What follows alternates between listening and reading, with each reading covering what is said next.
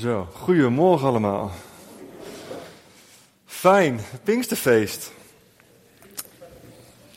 Dat is toch wel mijn uh, favoriete feest, denk ik, van het jaar. En um, wij waren gisteren uh, op de Pinksterconferentie, een opwekking. En uh, er kwamen allemaal mensen van de gemeente tegen. Ik denk dat vandaag nog veel meer mensen van de gemeente daar zijn. En uh, we gingen daar zingen. En er is daar zo'n tent. Er kunnen gewoon zo'n 8000 mensen kunnen daarin. En uh, Janneke en ik zouden eerst naar de seminar toe gaan. En zeiden van, nou, we gaan gewoon de stroom achterna lopen. En dan gaan we gewoon uh, naar die grote tent toe. En er waren een van die, van die 8000 die daar binnen zaten. En daarvoor zaten ook nog, nou, misschien 2, 3, misschien 4000 mensen met zo'n 10 tot 12.000 mensen zaten daar gewoon God te aanbidden met een hele mooie lichtshow, grote schermen en een, en een band met nou, misschien wel 10 mensen erop. Het was echt fantastisch. Maar op een gegeven moment toen viel de stroom uit. Alle lichten, alle lampen, alle elektriciteit was gewoon klapte uit. En uh, dacht van, ja, wat gaat er nou gebeuren? Iedereen was een beetje van, nou, wat, uh, wat, wat gaat er nou gebeuren? Gaat er nou paniek uitbreken? Of wat, wat gaat er nou, uh, wat is er aan de hand? En, um, maar op een gegeven moment, het, het was zo'n enorme tent dat die vrouw op het podium, die had op een gegeven moment had ze een, megafoon geregeld, weet je wel, zo'n ding waar je heen schreeuwt, die best wel hard is. Maar we moesten echt, echt luisteren wat ze nou zei. En ze begon een, lied in te zetten. Ze begon een lied in te zetten, ik weet niet eens meer welke. En op een gegeven moment die hele zaal met, met die 8000 mensen, met buiten, die, al die mensen begonnen gewoon mee te zingen, gewoon a cappella. Nou jongen, dat was vet. Dat was echt vet. En, um, en, uh, en, en ja, op een gegeven moment, dat doet ook emotioneel, doet dat natuurlijk wat, weet je wel, dat je gewoon met z'n allen gaat zingen. Maar ook de Heilige Geest, die kwam daar, weet je wel. En er was gewoon, er was gewoon niks anders dan de stemmen van al die mensen die aan het zingen waren. En het was echt werkelijk fantastisch. Op een gegeven moment dan, na een kwartier, dat we echt voluit gezongen hadden, zag je weer een scherm aanflitsen, er ging weer een lampje aan en dan kwam er weer een, een, een, een, een muziekinstrument werd weer aangesloten. Op een gegeven moment ging alles weer aan en eigenlijk baalde ik daarvan.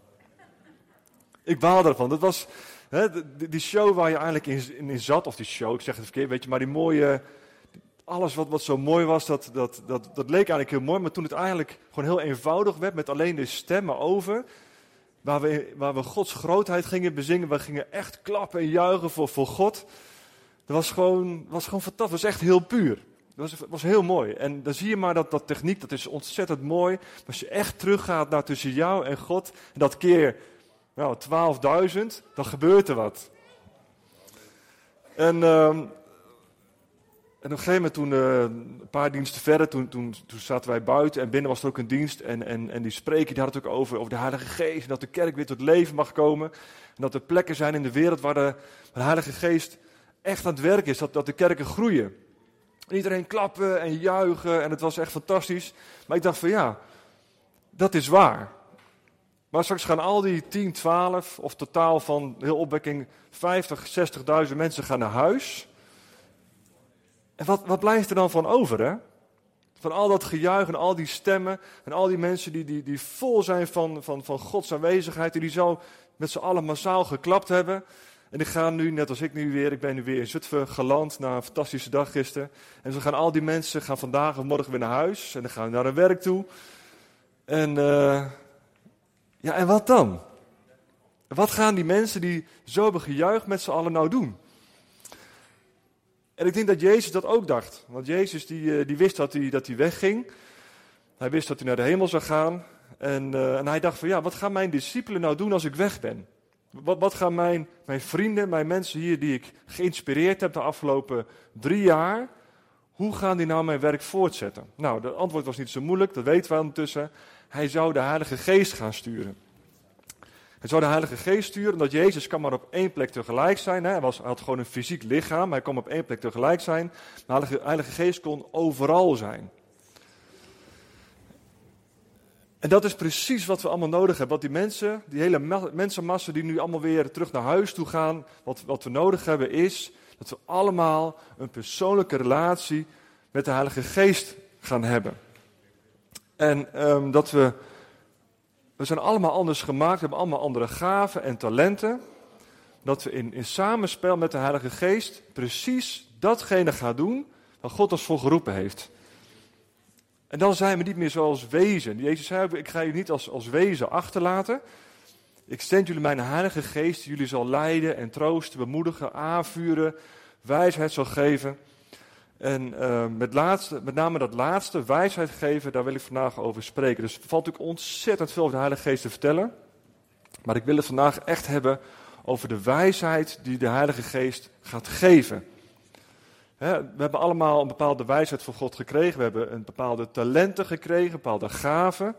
de een heeft er andere vlak meer of minder dan de ander. En zo kunnen we elkaar ook aanvullen met wat we kunnen. Maar de wijsheid van de Heilige Geest gaat verder. En um, de Heilige Geest geeft wijsheid over je geestelijk leven en welke stappen je geestelijk mag gaan zetten in je, in je bediening, in je roeping, in je wandelen met God.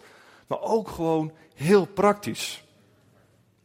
Heel praktisch mag je de Heilige Geest heel concreet vragen wat je nodig hebt. Of wat, je mag misschien wel vragen aan God wat Hij vindt dat jij nodig hebt. Misschien is dat nog wel een beter gebed. Heer, wat, wat vindt u nou wat ik nodig heb? En als je in een moeilijke situatie zit, en dat zitten we soms allemaal, soms zit je op de berg, soms zit je beneden of op het midden. Maar in elke situatie kan je vragen aan God, van de Heilige Geest, Heilige Geest, van hoe, hoe kan ik uit deze situatie nou verder gaan? Welke stappen mag ik gaan nemen? Lieve mensen, misschien heb je een heel goed zelfbeeld en dat hoop ik. En misschien heb je hele goede beslissingen gemaakt in je leven, dat hoop ik ook. Maar uiteindelijk zijn we allemaal zulke kleine mensjes. En Hij is God. Hij is God. En Hij overziet ons leven vanaf het begin tot het eind en nog veel verder. En nog veel eerder. En het enige wat wij hoeven te doen, is die 80, 90 jaar dat wij op deze aarde zijn, mogen we inpluggen in Gods, ja, in Gods aanwezigheid als het ware. En vragen hoe wij het best ons leven kunnen leiden. En weet je dat God daar echt van geniet?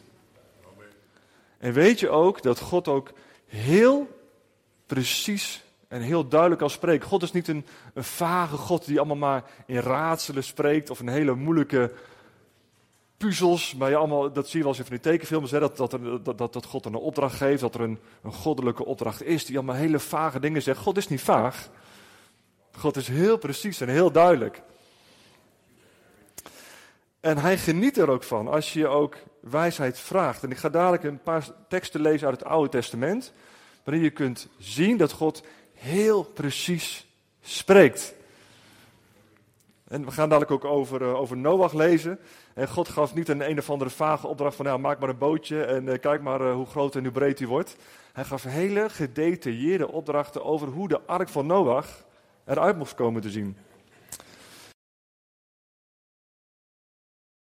Heel praktisch. En dan kan je net de goede toon aanslaan, waardoor je de band goed blijft. Of waardoor het niet gaat exploderen. Dat hebben we allemaal wel eens nodig, denk ik, toch? Ja. Meer van dat soort wijsheid in ons leven. Halleluja. Maar soms ook als het al geklapt is. En je hebt die ander beschadigd. Of er is een conflict ontstaan. Van ja, oké, ik heb het nu um, verprutst dan zijn er allemaal hele goede technieken om dat weer op te lossen. vergeving vragen of zeggen dat je fout zat. Dat zijn hele goede dingen. Maar soms heb je echt even eventjes een, ingang nodig. Je hebt het hart van diegene heb je beschadigd, heb je geraakt. Het hart van die ander zit op slot. En jij hebt niet de sleutel. Maar God wel. En dan kan je net even naar God vragen van Heer, wat kan ik nou tegen diegene zeggen? Of wat kan ik nou doen? Om diegene zijn hart weer open te maken dat ik weer toegang heb tot diegene. Want ik heb het verprutst.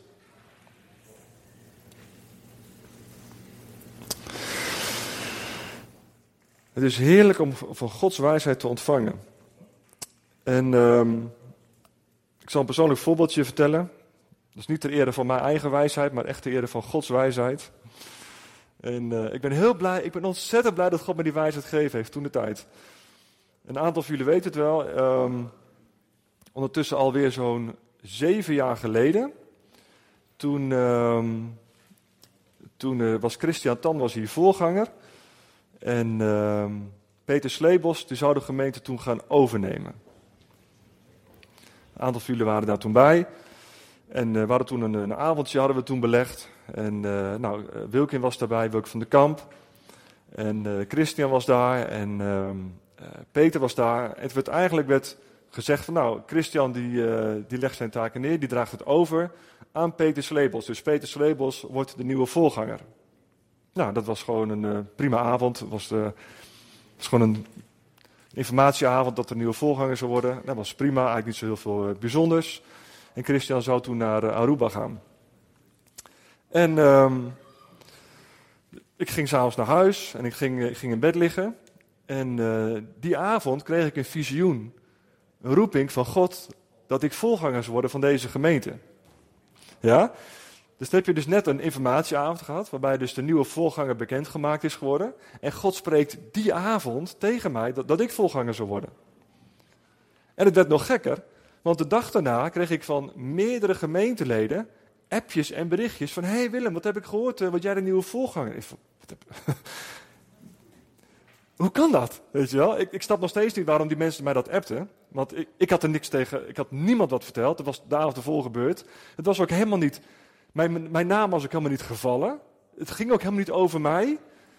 Het, het, was echt out of the blue, maar ik heb die, dat visioen gehad. God heeft dat tegen mij gezegd dat ik voorganger zou worden. Op de avond dat Peter Slebos werd voorgesteld als nieuwe voorganger. En de dag daarna, terwijl ik in mijn lesautootje aan het rondrijden was, kreeg ik van diverse mensen, ik weet een aantal, weet ik nog. Misschien moet ik eens vragen waarom ze dat überhaupt toegestuurd hebben. Er waren meerdere mensen, ik weet er nu twee te herinneren, ja, ik ga toch eens vragen, ja. Van meerdere mensen weet ik dat ik appjes kreeg. Hé hey Willem, wat heb ik gehoord met je nieuwe voorgang, wat cool. Ik zo, hè? Hoe kan dat? Ja, wat ga je dan doen, hè? God heeft tegen mij gezegd dat ik het zou worden. Maar de avond ervoor was Peter aangesteld als voorganger. Nou, dat is natuurlijk een recept voor een enorme clash in een kerk. ja, kan je het voorstellen hoe dat, hoe kan gaan? Staat Peter staat hier, nou uh, lief mensen, ik word de nieuwe voorganger. En dan kom ik naar voren en zeg, nou lief mensen, ja, God heeft ook tegen mij gezegd dat ik voorganger word. En ik had nog gelijk ook. Ik had gelijk, want God had het tegen mij gezegd. Ja? Maar God gaf mij wijsheid om ruim vier jaar lang mijn mond dicht te houden. Ja? En dat ook met de eerste plaats te maken met dat ik er helemaal nog niet aan toe was. In mijn, in mijn hoofd alleen. Het, het paste gewoon niet in mijn hoofd. Ik heb het vier jaar lang ook verdrongen als het ware. Ik kon het niet pakken dat ik op een dag zou staan zoals ik nu hier sta. Dat, dat paste gewoon niet in mijn hoofd. En de tijd was er niet drijf voor, de gemeente was er niet drijf voor. En zo zijn er nog heel veel andere factoren. Maar ik heb de wijsheid van God gekregen om vier jaar lang gewoon niks te zeggen. Halleluja. Want wat een, wat een zou je dan krijgen. Ja? Peter is de nieuwe voorganger en ik zeg dat ik het ook ben. Ja, de ene deel van de gemeente zal misschien voor mij kiezen, het andere deel zal voor Peter kiezen. Wat een ellende. En ik had nog gelijk ook gehad. Hè? Ik had God aan mijn kant. Maar God had het tegen mij gezegd. Dus ik had met recht kunnen zeggen: God heeft gezegd dat ik de nieuwe voorganger ben. Dat was ook waar. Halleluja, met wijsheid van God. Daar ben ik zo blij mee. Op alles is op Gods tijd is het precies zo gegaan zoals Hij wilde dat het ging. En Peter heeft zijn tijd gehad. En nou mag ik, en over een x aantal jaar is de volgende. Ik ben blij met Gods wijsheid. Het lag niet aan mij. Nou, en. Um, maar zo geldt het voor ons allemaal dat er, is wijsheid. Er is wijsheid van God voor jou beschikbaar. En um, wat ik net ook al zei, er is niet voor elke situatie een pasklare oplossing. Of het is, we zijn niet van, van het evangelie, van het welvaartsevangelie in die zin van als je God maar volgt, dan gaat alles goed met je. Daar geloof ik helemaal niks van. Want als dat zo is, dan zouden wij met het groepje hier toch wel dingen verkeerd doen, toch? We hebben allemaal dingen die ons tegenzitten. maar ik geloof wel dat God in heel veel situaties echt heel precies kan spreken over wat we nodig hebben. Dat geloof ik wel. En dat hij ons in de situaties wijsheid geeft hoe we mogen handelen. Dat hij echt laat zien van, deze stap mag je vandaag nemen. Of dit is wat ik voor jou heb over een aantal jaren. En je mag er nu naartoe gaan werken. En soms zoals bij Noach en soms zoals bij Mozes geeft hij hele gedetailleerde instructies. En soms geeft hij ook gewoon een bepaalde richting van, hé, hey, vriendje mag die kant op gaan. En uh, je kent het voorbeeld vast wel van uh, dat je in een auto zit hè, en spreekwoordelijk zit de Heilige Geest dan ook in die auto. En uh, maar wie zit er aan het stuur van die auto? Wie zit er aan het stuur? En waar zit de Heilige Geest? Zit jij achter het stuur? En zit de Heilige Geest, uh, rijdt hij met jou mee? Of uh, zit de Heilige Geest misschien naast jou, voorin? Dat hij naast jou mee mag rijden? Of zit de Heilige Geest achter het stuur?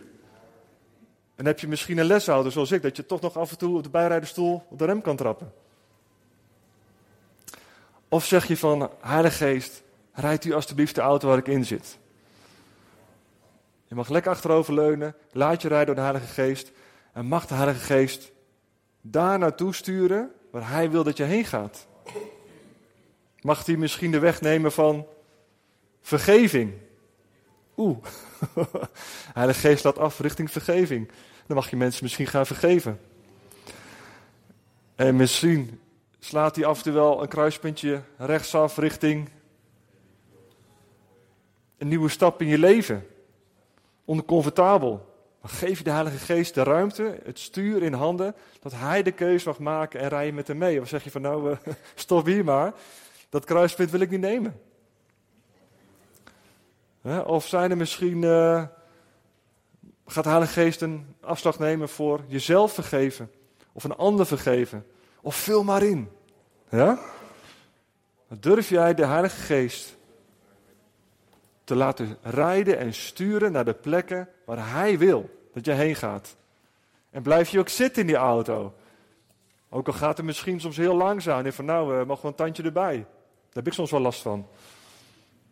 Ik wil graag wel een tandje erbij af en toe. Of misschien gaat het je wel te hard. Dat je zegt van nou, Heilige Geest mag wel iets uh, even terugschakelen. Even een tandje minder. Maar blijf je gewoon lekker zitten in die auto, vertrouwend dat Hij een goede chauffeur is. Dat Hij een goede chauffeur is van je leven. Dat Hij precies op het juiste moment gas geeft, die koppeling intrapt, remt, bijstuurt, de goede afslagen van je leven neemt. En je mag steeds meer gaan leren om minder aan de stuur te trekken. Ik ben natuurlijk ook instructeur, dus ik trek heel vaak aan het stuur. dat zijn soms hele levensreddende handelingen, kan ik je vertellen. Ja?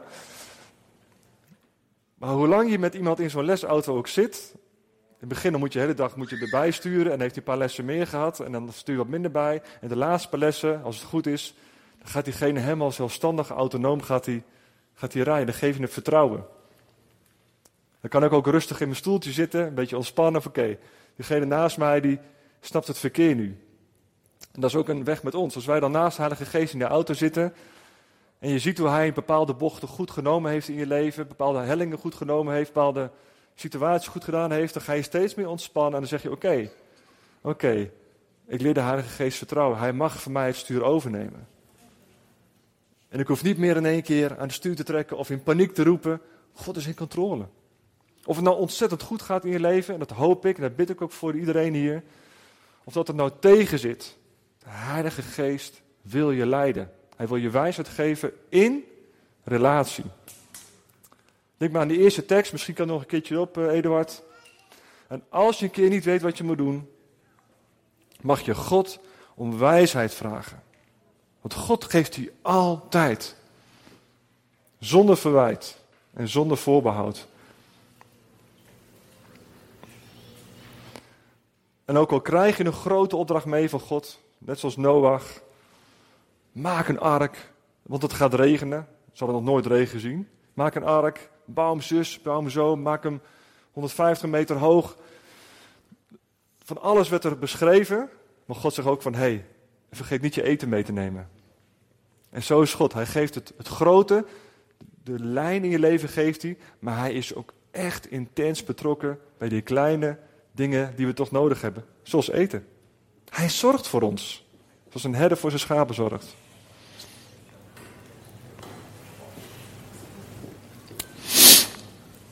Goed. Ik hoop dat ik je heb uitgedaagd om uh, het stuur vandaag in handen van de Heilige Geest te geven.